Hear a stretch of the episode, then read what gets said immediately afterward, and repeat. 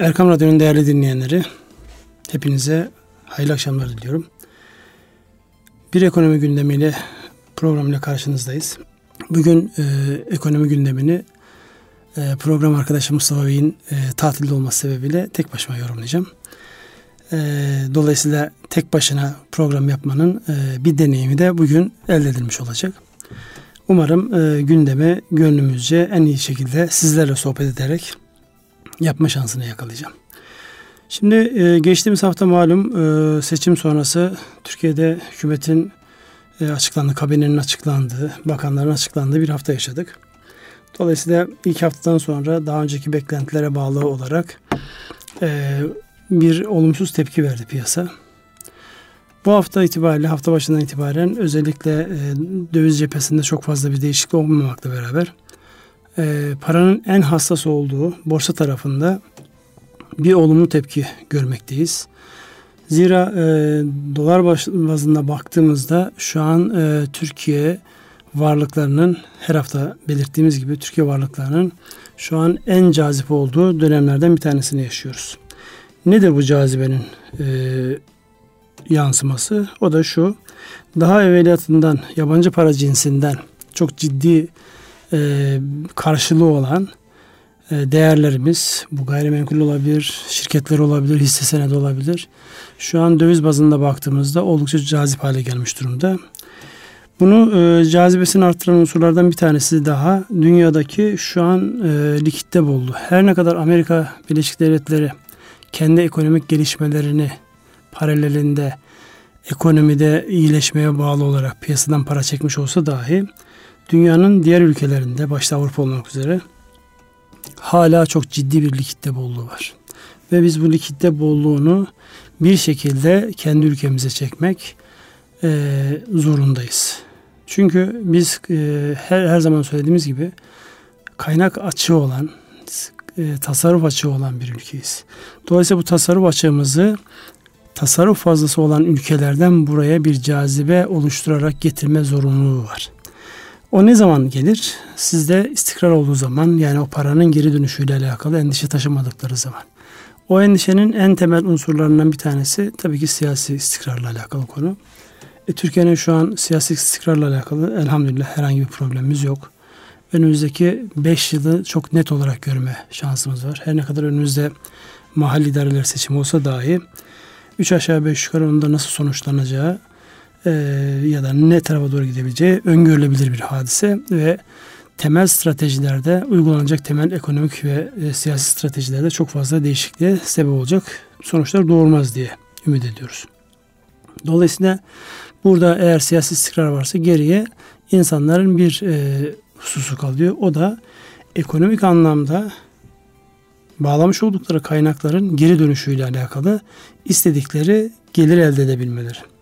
Şimdi baktığımızda Türkiye'de özellikle son yıllardaki o hızlı artıştan sonra bir durulma oldu. Ee, özellikle gayrimenkul piyasası bu açıdan fevkalade önemli. Çünkü gayrimenkulde çok ciddi maliyetlere katlanıyor. Özellikle arsanın kıt olduğu İstanbul gibi şehirlerde gayrimenkul fiyatlarında bir geri geliş yoktu. Onun üzerine bir de inşaat yapım maliyetleriyle alakalı gelen olağanüstü e, artışlara da dikkate aldığımızda gayrimenkul fiyatları geri çekilmiyordu. Ama şu an geldiğimiz noktada özellikle döviz bazında baktığımızda Türk lirası bazında maliyetler aynı dahi olsa, biraz artmış dahi olsa döviz bazında baktığımızda yabancılar açısından e, ciddi bir cazibe noktası oluşmuş vaziyette. Bunu zaten e, özellikle turizm sektöründe faaliyet gösteren arkadaşlarımızdan da edindiğimiz ya da gelen e, Türkiye'ye gelen turistlerden edindiğimiz kadarıyla Türkiye'de e, harcamış oldukları tutar çok az rakamlarla çok keyifli e, bir tatil geçirdiklerini görüyoruz. Bu aslında her tarafa yansımış durumda. Yani daha evveliyatından buraya yapılacak olan yatırımlarda harcanacak olan tutarla şu anki harcanacak olan tutarın döviz bazındaki karşılığında ciddi bir gerileme var. Bir şey daha var. Özellikle finansman yükünün inanılmaz artmış olması ki bu hafta bu anlamda gerçekten e, kötü bir hafta geçirdik. Çünkü e, reel sektördeki firmalara baktığımızda normalde e, genel duyuruda reel sektörün e, kredilendirmedeki söylenen, telaffuz edilen rakamlar %27, %28. Ama biraz daha detaya girdiğinizde ki e, bu dönemler özellikle bu tip şeylerin fazlaca yaşandığı e, bir hadise 135 lira kadar çıktığını gördük. Yani ve bu e, kredi finansman oranlarının %35'e çıkması demek insanların bırakın yeni yatırımlar yapması mevcut işletme faaliyetlerini yürütmek için dahi çok ciddi zorlanacağı anlamına geliyor. Dolayısıyla bizim bir an önce bu sarmaldan çıkmamız icap eder. Yani maliyetlerin bu kadar, finans maliyetlerinin bu kadar yüksek olduğu yerde bir müddet sonra işletmeler o faaliyeti yapmakla yapmamak arasında tercih edilme noktasına kalacak. Kaldı ki buna fırsat olursa. Çünkü piyasanın birbirine olan güveninin de aşınmıyor olması icap eder ki bu süreç devam etsin. Şimdi biz burada e, ekonomi yorumlarken olabildiğince objektif davranmaya çalışıyoruz. Yani günlük etkileşimlerden olabildiğince dışında kalıyoruz ki zaten günlük yorumlardan da mümkün olduğu kadar adı her ne kadar e, gündemle alakalı olsa, güncelle alakalı olsa dahi işte döviz şuraya gitti, borsa buraya gitti şeklindeki ve onların etkileşimlerle alakalı olabildiğince o cümleler kurmamaya çalışıyoruz. Çünkü haftalık yapılan bir ekonomi programı bu. Dolayısıyla haftalık yapılan programlara siz cümleyi kurduğunuz anda yurt dışındaki bir gelişme ya da yurt dışındaki bir gelişme sizin söylemiş olduğunuz gecenin bir vakti dahi olsa e, birden boşa çıkarabiliyor. Oradaki e, yapmış olduğunuz yorumu boşa çıkaracak olan gelişmeler olabiliyor. Kaldı ki bizim geçen hafta e, Bakanlar Kurulu'nun açıklandığı gün döviz e, 4.97'ye kadar gitti. Dolar Türk lirası karşılığından bahsediyorum. Dolayısıyla bu tip şeyleri bildiğimiz için e, anlık dakikalık yorumlardan olabildiğince kaçınmaya çalışıyoruz ama genel trendleri görmek noktasında özellikle önümüzdeki dönemde Türkiye açısından en fazla gündem maddelerinden bir tanesi reel sektörün üstlenmiş olduğu borcun çevrilmesiyle alakalı bir gündem maddemiz var. Dolayısıyla gönül ister ki bir an önce e, finansman giderleri makul mantıklı seviyelere gelsin. Ondan sonraki süreçte insanlar oturup önce işletme faaliyetlerini arkasından da yatırım konusundaki başlıklarını değerlendirebilsinler. Peki bu mümkün mü?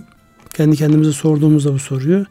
Enflasyonun e, tüketicide yaklaşık %16, e, üreticide %23 olduğu ortamda, ortalamasının %20 deseniz, enflasyonun %20 olduğu ortamda finansman giderlerinden çok daha aşağıda olabilme şansı çok fazla değil.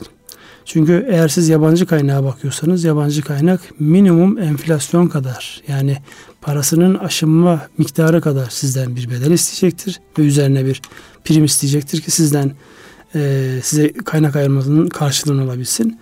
E, yerli açısından da baktığınızda eğer yerli tasarruf sahibi ise e, faydasını en üst seviyeye çıkaracak bir tavır sergileyecektir. O da nedir? Şu an e, bankalardan duyduğumuz kadarıyla, gördüğümüz kadarıyla %20, %21 seviyesinde mevduatların e, finansman e, gideri olarak karşımıza geliyor. Şimdi %20 ile elde edilmiş bir kaynağı ve enflasyonun da %20 olduğu bir ortamda e, kredi e, ile alakalı olacak finansman rakamları ne olacak sorusu otomatik olarak %27'leri %28'leri getiriyor. Biraz da risk primi ya da bu anlamda bir anlamda e, bankacılık sektörünün bir şeyi vardır kullanmasın diye bu oranı verdim dediği oranlar oluyor.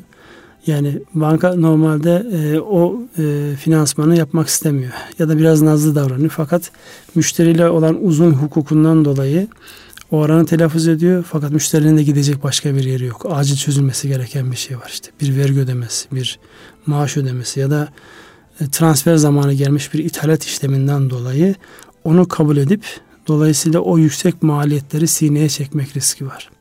Ve öyle maliyetler ki bunlar sizin son kullanıcıya yansıtamayacağınız maliyetler. Kaldı ki enflasyona baktığımızda üretici enflasyonunun %23 olup tüketici enflasyonunun %15'lerde olması tam da bunu anlatıyor bize.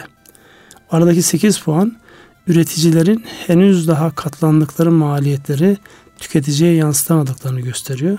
Dolayısıyla ekstra bir de kredilerden kaynaklanan ilave maliyetlerin gelmesi demek üretici enflasyonunun daha da yukarılara gideceğini, e, bu oranlardan tüketicileri cezbedecek bir bankacılık sistemi imkanı olmadığı için de satışların bu anlamda zorlanabileceği, bir anlamda da ekonominin yavaşlayabileceğine dair bugünlerde en fazla konuşulan hususlar. Yani birbirine o kadar endeksli ki bir taraf bozulduğu zaman otomatik olarak başka yerlere sirayet ediyor. Şu ana kadar e, yani şükredeceğimiz en temel noktalardan bir tanesi bütün bu finansman ve e, şeylere rağmen olumsuz e, göstergelere rağmen olumlu olan göstergelerimiz de var. Bunlardan bir tanesi de istihdamla alakalı gösterge. Geçen hafta yayınlanan e, istihdam verilerine göre şu an işsizlik oranı %10'ların altınaymış vaziyette. Tabii bu Nisan ayı için söylüyoruz bunu. Çünkü istihdam verileri gecikmeli olarak geliyor. Onun Mayıs'ta, Haziran'da çok fark ettiğini düşünmüyorum. Yine biz oralardayızdır diye düşünüyorum. Ama önümüzdeki dönemde eğer işletmeler bu anlamda rahatlamaz iseler burada zaman zaman piyasaya böyle spekülatif olarak atılan bankalarda dahil olmak üzere işten çıkarmalarla alakalı kaygılar oluşabilir.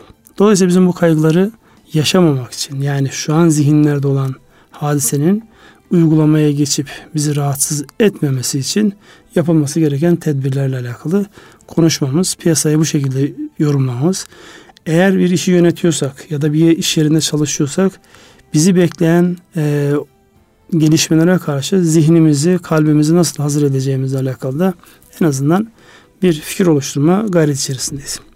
Şimdi buradan baktığımızda geçtiğimiz e, haftanın en önemli e, gündem maddelerinden bir tanesi dünyada emtia fiyatlarındaki geriye geliş. Yani emtia dediğimiz nedir? İster bunu e, İngilizcesiyle soft commodity dediğimiz ürünler olsun. Yani daha çok gıda, pamuk, e, buğday gibi ürünler ya da e, metale bağlı olan ürünler olsun. Bunlarda bir geriye geliş var. Şimdi bazı ürünler var ki e, ekonomilerin nasıl gittiği açısından fevkalade önemli sinyaller veren, ipuçları veren yapılar bunlar. Onlardan bir tanesi dünyada işte başta bakır olmak üzere yani sanayide en fazla kullanılan e, maden olarak e, bakır fiyatları bu anlamda çok önemli ipucu. Yani baktığımızda bunların hiçbir tanesinin şu an henüz daha dünyada mala yönelik bir hareketin olmadığı, özellikle Amerika'nın e, başta Çin olmak üzere bütün dünyaya açmış olduğu bu mücadelenin adına savaş deyin, mücadele deyin, güç gösterisi deyin, ne derseniz deyin. Bu e, yaklaşımın e, yansımaları olarak insanlar gelecekle alakalı acaba ne olacak sorusunu soruyor. Yani bu acaba ne olacak sorusu sadece bizim değil, bütün dünyanın aslında sorduğu soru. Çünkü e, günümüz dünyası özellikle Amerika'da bunun en somutunu görüyoruz. E, insanların doğrudan konuştuğu, akıllarına gelen şeyi hemen söyledikleri bir liderler dönemine girdik. Dolayısıyla yani e, bir taraftan Amerika'daki bütün ekonomistler hatta dünyanın tamamı e, Amerika'nın Merkez Bankası diyeceğimiz Fed'in faizleri yükselterek 2008'den 2009'dan itibaren dünyaya yayılan basılmış o paraların geri çağrılmasını sağlayacak mekanizmaya yani faiz arttırımına gerek yok nereden çıktı gibi tepkiler verebiliyor. Halbuki bundan önceki başkanların yani niye arttırmıyorsunuz artık vakti gelmedi mi? Ekonomi istediğimiz e, ivmeyi sağladı. Ki Amerikalıların en önemli iki tane ivmesi var orada. Bir tanesi en temelde istihdamdı. İkincisi de e, büyümeyi hareketlendirecek e, bir gelişmeydi. E, şu an Amerikan ekonomisinde çok hızlı toparlama var. Yani onu nereden anlıyoruz? E, özellikle e, ikinci dönem bilançoları gelmeye başladı. Yani her üç ayda bir yayınlanan bilançoların ikinci dönem olan altıncı ay bilançoları gelmeye başladı ve o ilk gelen bilançolarda gördüğümüz kadarıyla ekonomideki toparlanma e, şirket bilançolarında yansımış vaziyette. Peki bunun bizdeki karşılığı ne acaba diye baktığımızda henüz daha bilançolar yayınlanmaya başlamadı. Önümüzdeki günlerde gelmeye başlar ya da e, bugün yarın e, gelecektir. Oraya baktığımızda e, birçok firmanın özellikle bu kurlardaki artış, finansman giderlerindeki artıştan dolayı bilançolarında olumsuz yansımaları göreceğiz. Çünkü ikinci 3 aylık dönem yani Nisan'dan Haziran sonuna kadar yaşamış olduğumuz dönem oldukça hareketli oldu. Kur başta olmak üzere, finansman giderleri başta olmak üzere, maliyetler başta olmak üzere çünkü kura bağlı maliyetleriniz var. Oralarda çok ciddi artışlar oldu. Dolayısıyla bizim e, şirket bilançolarında bu anlamda nispeten ilk 3 aylık döneme göre bir bozulmanın olacağı e, çok böyle e, uzak bir tahmin olmasa gerek. Peki bunun devam etmemesi açısından neye ihtiyaç var? Onu da en temelde şu e, dövizde, döviz piyasalarında ve kredi piyasalarında bir an önce maliyetleri aşağı çekecek kaynak girişlerine ihtiyaç var. Oradaki dengeyi sağlayacak yapıya ihtiyaç var.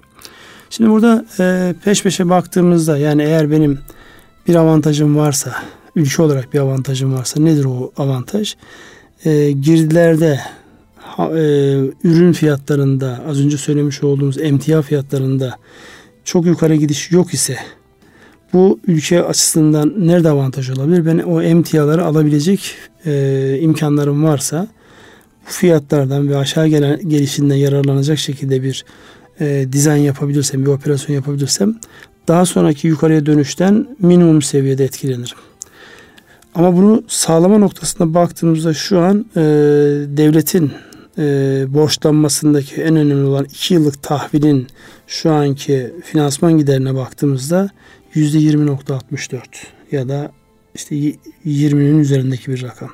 Şimdi devletin dahi 20'nin üzerinde borçlandığı bir ortamda eğer öz kaynağınız yok ise sizin emtia fiyatları nereye gelirse gelsin onu almakta kullanacağınız kaynakta kocaman bir soru işareti var.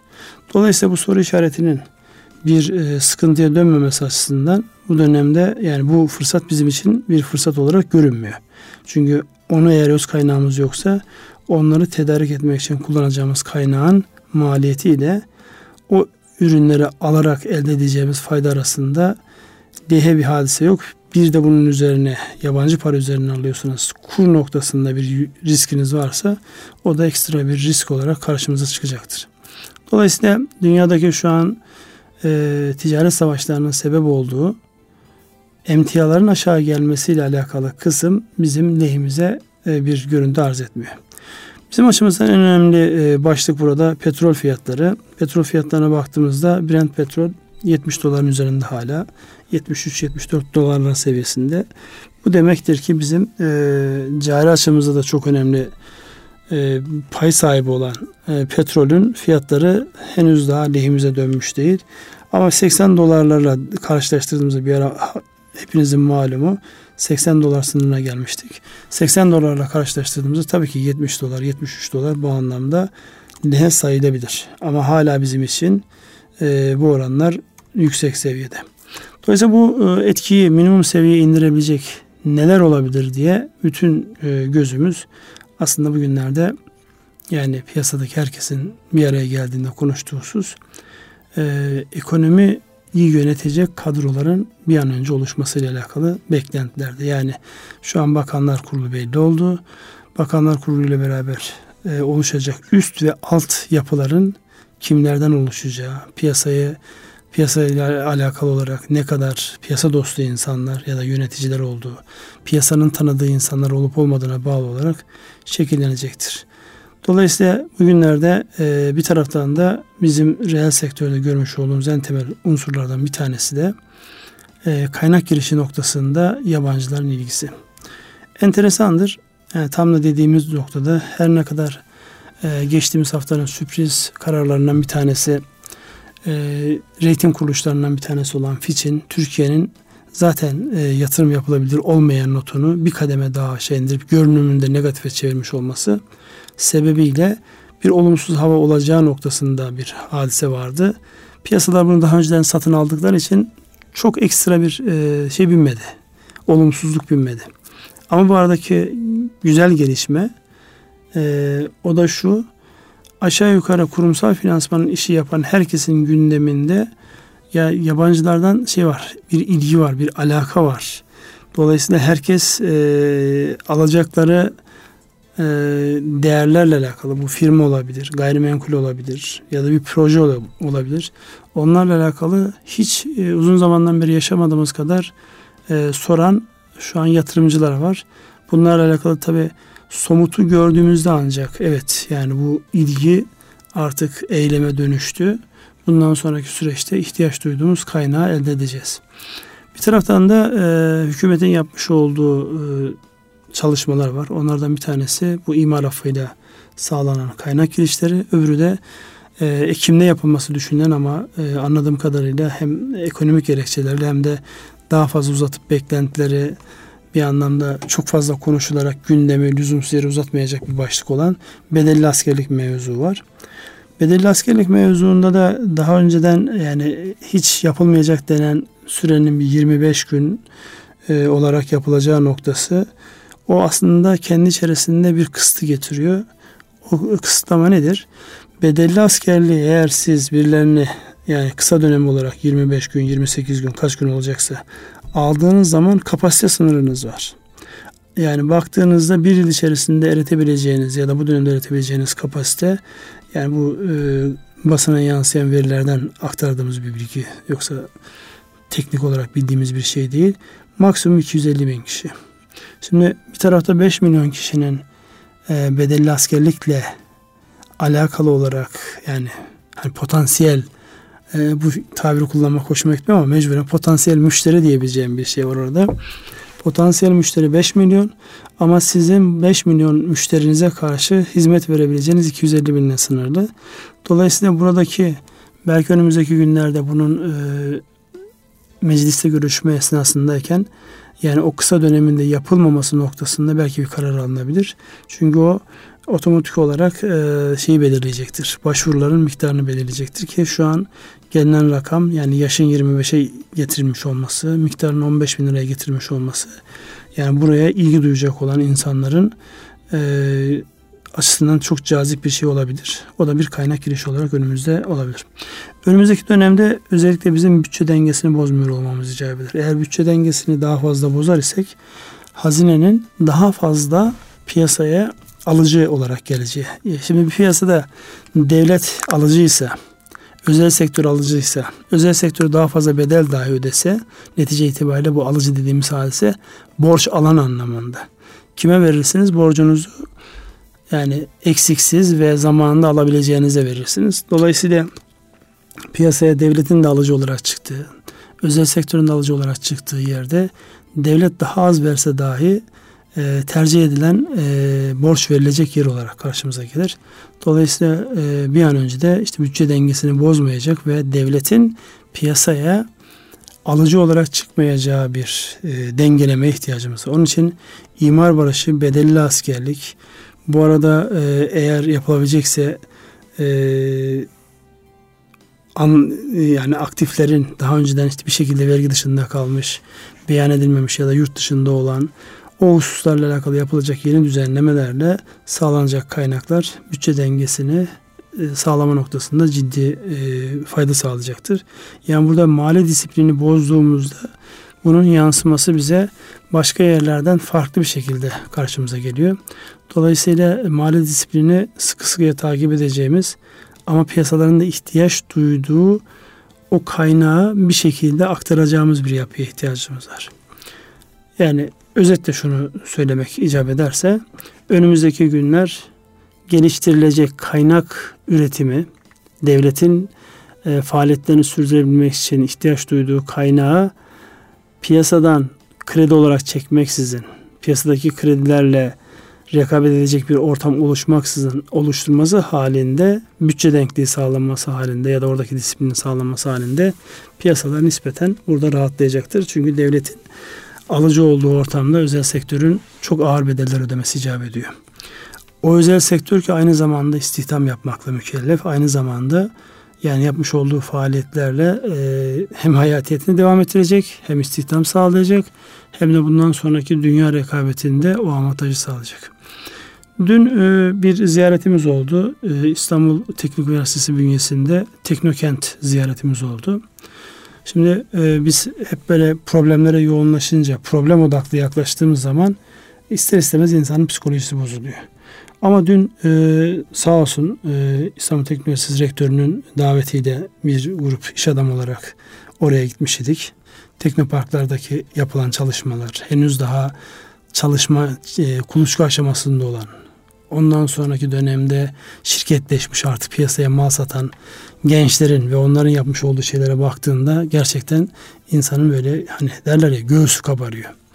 O kadar güzel e, çalışmalar var ki böyle kendinden geçmiş aynı o filmlerde gördüğümüz sadece sanki yabancılarda olur işte Silikon Vadisi'nde olur diye düşündüğümüz şeyleri hem e, genç insanların oluşturması ki orada sadece İstanbul Teknik Üniversitesi diye sınırlamamışlar projesi olan, makul mantıklı olan e, şeylerden bahsettiler. Hatta rakamları söylemekte sakınca yok. Yani e, o kadar yoğun bir proje üretimi faaliyeti var ki 11 bin projeden ancak 400 küsür tanesini e, değerlendirebildik. Onlardan da işte 80 tanesine kaynak sağladık gibi bir yaklaşım vardı. Şimdi baktığımızda şimdi 80'e baktığınızda canınız sıkılabilir. 400'e baktığınızda biraz rahatlarsınız ama 11 bine baktığınızda bu ülkenin insanları özellikle genç insanları eğer zihinlerini yeni işlere, yeni projelere doğru odaklandırmışsa bu fevkalade ümit verici bir hadise. Ama arkasından şunu koymamız icap eder. Bizim yatırımcıyla o gençlerin enerjisini, heyecanını örselemeyecek, onları aşağı çekmeyecek yatırımcılarla bunu desteklememiz icap eder. Yatırımcıların yani e, orada bir fırsat var. Oradaki insanların ki yani biraz konuştuğumuzda gençlerle şunu gördük. E, ben bir iş geliştirdim. Bu işin nereye olacağı, oluşacağına dair o yaşlarda tabii daha böyle rakamsal anlamda biraz e, hayal tarafı da ağır bastığı için çok büyük beklentilere giriyorlar. Kaldı ki dünyadaki özellikle Amerika'daki örneklerinde işte bir yazılım firması iki yıl içerisinde milyar dolarlık büyüklüğe ulaştığı gibi haberler alınca e, oradaki gençlerin en büyük kaygısının şu olduğunu gördüm. Geliştirmiş olduğumuz bu projenin ekonomik karşılığı ile bize yatırım yapan, bize ortak olmak isteyen iş dünyasındaki insanların acaba biz orada kandırılıyor mu hissini böyle gözlerinden okuyorsunuz. İşte hem o insanların yani bu işleri geliştiren ve gelecekte o işleri sürükleyecek olan insanların kendilerini kandırıldığı hissine kapılmadıkları artı e, girişimcilerin de ben doğru işe yatırım yapıyorum diye keyif aldıkları bir yapının oluşacağı ve destekleneceği ihtiyaç var. Dolayısıyla bu teknopark fikri ve bunun uygulamasında ben İstanbul Teknik Üniversitesi başta e, rektör olmak üzere yönetici kadrosunu gerçekten tebrik ediyorum.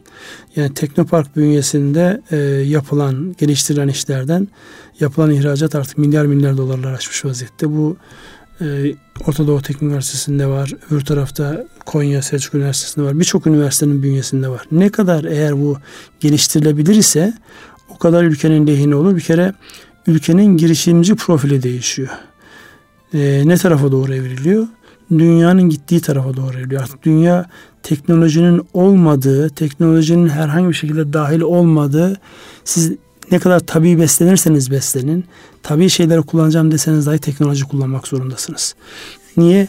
Çünkü artık kaynağın e, özellikle işte tarım yapabileceğiniz alanların kıtlaşması, nüfusun artması, yeraltı kaynaklarının başta su olmak üzere kaynakların istenen e, kalite ve nitelikte olmamış olması. Dolayısıyla bu alanda yapılacak olan e, teknolojik yatırımları, işi kolaylaştıracak, verim arttıracak teknolojik yatırımları zorunlu hale getiriyor. Genellikle biz teknoloji deyince hep böyle hayatımızda olmayan, biraz da ya konfor sağlayıp ama bize e, tabiliği bozacak yansımalar olacak diye bir algı var. Dün orada görmüş olduğunuz projelerden tam tersine tabiliğe hiçbir e, haleli getirmeksizin işte gıdaların korunmasından tutun işte tarım ürünlerinin e, herhangi bir kimyasala e, maruz kalmadan verimliliğin arttırılacağı projelere kadar muhteşem işler var. Özellikle e, yatırım yapmak isteyen yani gelecekte işlerini büyütmek isteyen ya da mevcut işlerinin yanında farklı alanlarda iş yapmak isteyen insanlara e, başta İstanbul Teknik Üniversitesi'nin Teknopark olmak üzere orada e, iş geliştiren var olan ve gelişmekte olan işlerle ilgilenmelerini hasreten tavsiye ederim. Orada bambaşka bir, bir dünya var. Yani ülkenin hem geleceği açısından ben kendi adıma e, çok keyiflendim. Hem de bu anlamda yatırım yapmak isteyip de ne iş yapayım, ne yapayım diye sorulacak olanların gidip orada enine boyuna bütün tabiiliğiyle yani ticaretin atraksiyonlarına bulaştırılmamış bütün tabiiliğiyle proje geliştiren genç insanları dinlemeleri ve onların o projelerine eğer ellerinde imkanlar varsa ki çok büyük imkanlar değil aslında bu. Yani e, başlangıçta baktığınızda e, 50 bin dolardan 300-500 bin dolara kadar şeylerden bahsediyoruz. Dolayısıyla çünkü bu projeler bir şekilde e, kısa sürede hayat bulabilen projeler var işlerinde. Oralara kaynak ayırmaları, onlarla ilgilenmeleri e, ve oraya arkadan gelecek olan gençlerin bu tip alanlara merak sarmasını sağlayacak bir ilgi oluşturmasına fayda var. Çünkü bizim yani iyi şeylerin yapıldığını çok fazla konuşmuyoruz. Yapımız itibariyle etkilenmiş olduğumuz olumsuzlukları dillendirme tarafımız çok daha kuvvetli. e, yani negatif bir şey görmüşsek onun da bize bir e, zararı var ise onundan bahsetme yüzdesi hatta bununla alakalı istatistikler var. Özellikle bu müşteri memnuniyetiyle alakalı yapılmış olan çalışmalarda yani e, bu eski bir çalışma. Eminim ki günümüzde daha farklı şeyler vardır. Memnun olan müşterinin e, bir başkasına söyleme yüzdesi bir kişi. Yani bir kişi bir kişiye söylüyor. Ben şuradan şöyle bir şey aldım ve çok memnun kaldım. Şuradan bir hizmet aldım çok memnun kaldım. Ama mutsuz olan bir müşterinin, mutsuz olan bir son kullanıcının memnuniyetsizliğini söyleme şeyi 9 kişi minimum. Şimdi demek ki insan beyni olumsuzu e, birkaç gerekçeyle açıklıyor. Benim kendi e, kendi kendime sorduğumda bu niye böyledir diye sorduğumda cevapladığım hadise şu. E, olumsuz bir şeyle karşılaştığınızda, bunu başkalarıyla paylaştığınızda ihtimaldir ki onlar da benzer şeylerle paylaşmış. Siz orada yaşamış olduğunuz işte kandırılmışlık hissi, boşuna para vermişlik hissini nötralize etmek için, sıfırlayabilmek için yapmış olduğunuz bir yani yandaş arama e, psikolojisi gibi geliyor bana. Dolayısıyla negatifin yayılma yüzdesi çok daha fazla. Ama bize düşen bir şey var. Yani pozitiften beslenmek zorundayız. Aksi takdirde inancımıza, itikadımıza da ters düşmüş olur. Yani hep cehennem yok, cennet var. Dolayısıyla e, sürekli cehennemden bahsederek insanları e, motive etmek her zaman mümkün olmaz. Hatta tam tersine insanlarda yılgınlığa sebep olur. Cennetin de varlığından ve oraya gitmenin cehenneme gitmekten daha kolay olduğunu bahsederek de e, bu konumuz ekonomi olduğu için dini programa dönüştürmeksizin iyi şeyleri gördüğümüzde birbirimizle paylaşmamız bizim moral motivasyonumuzu değiştirecektir. Dolayısıyla e, dün yapmış olmuş olduğumuz e, İstanbul Teknik Üniversitesi Teknopark ziyareti bu anlamda açıkça söyleyeyim benim olduğu gibi benimle beraber o ziyareti yapan e, onun üzerindeki iş adamını işte akademisyeni fazlasıyla heyecanlandırmış bir projedir. Dolayısıyla bu tip iyiliklerin yayılması, yaygınlaştırılmasına ihtiyacımız var böyle dönemlerde. Bunlar da zaten bizim hani katma değerli ürünlerle dönüşür bu ülke. Üreten ülke diyoruz. Dün orada e, katılan arkadaşlardan bir tanesi özellikle altını çizdi. Ekonomilerdeki gayri safi yurt içi hasıladaki e, ortaya çıkan rakam zaten bir üretim yansıması. Ama bu üretilen şey sanayi üretimi, endüstriyel üretim olduğunda sürdürülebilir ve devam ettirilebilir ve size bir e, etki katar. Dolayısıyla dün görmüş olduğunuz manzarada sanayiyi destekleyecek, kendi çapında yeni sanayi unsurları oluşturabilecek yapılar olduğu için bu yapıların hem görülmesi hem değerlendirilmesi ve imkanlar var ise şayet bu yapılara ekonomik destek sağlanmasında büyük fayda var. Yani öyle bir hale gelmeliyiz ki bunu işte batıda duyuyoruz bizim kendimiz yok. Bizde mesela küçük yatırımcıların ya da işte e, geçmişte profesyonel olarak çalışmış insanların melek yatırımcı dediğimiz konuda yani yatırım yapan insanlara çok fazla karışmıyor ama ona ekonomik destek sağlıyor. Bunun geniş tabanlara yayabilmemiz icap eder. Ama maalesef bizdeki özellikle sermaye piyasasının şu an gelmiş olduğu noktaya baktığımızda e, koca koca şirketlerimizin hisse senetleriyle insanlar ilgilenirken onu yani normal bir yatırım olarak değil de spekülatif bir şey olarak algılamalarından dolayı orası istediğimiz derinliğe ulaşmadı. Bir taraftan da kaynağın kıtlığı da bunu engelliyor. Çünkü insanların hepsinin geçmişte yaşamış olduğu olumsuz bir e, macera var. E, konudan konuya geçiyoruz ama önümüzdeki dönemde ülkenin rahatlaması açısından üretilecek yeni e, projelerin parlak beyinlerle üretecek projelerin desteklenmesi, onların yanında bulunması, yapılan iyiliklerin, iyi şeylerin e, aynı şekilde karşılık görmesi ve motive edilmesi en önemli başlıklardan bir tanesi. Şimdi e, ekonomi gündeminde istatistik anlamda baktığımızda çok fazla şey yayınlanıyor. Ama dediğim gibi bugünlerde istatistikleri konuşmanın çok fazla bir anlamı yok. Çünkü bir sistem değişikliğine gitti ülke. Var olan sistemi yeni bir sistemle, yeni bir işleyiş biçimiyle, yeni bir organizasyonla ele almış durumda. Ee, ama öyle bir şey ki bu e, piyasaların ya daha doğrusu organizmanın canlı olduğu bir yerde yapıyorsunuz bunu. Dolayısıyla her gün insanlar sizden bir şey bekliyor. Sizden bir taraftan yeni bir sistem kuracaksınız. Yeni yapılanma oluşturacaksınız. Yeni kadroları kuracaksınız. Öbür taraftan da var olan talepleri karşılayacaksınız. Hocam burada zaman e, çok hızlı ilerliyor. Beklentiler de çok hızlı ilerliyor. Bu arada geçen hafta da belirttiğimiz gibi e, eyleme dökülen yani e, yapılacakları bir taraftan söylemek, insanlara orta vadede nereye gideceğimizi söylemek ama kısa vadede de üzerlerindeki baskıyı alabilecek gelişmeler ihtiyacımız var.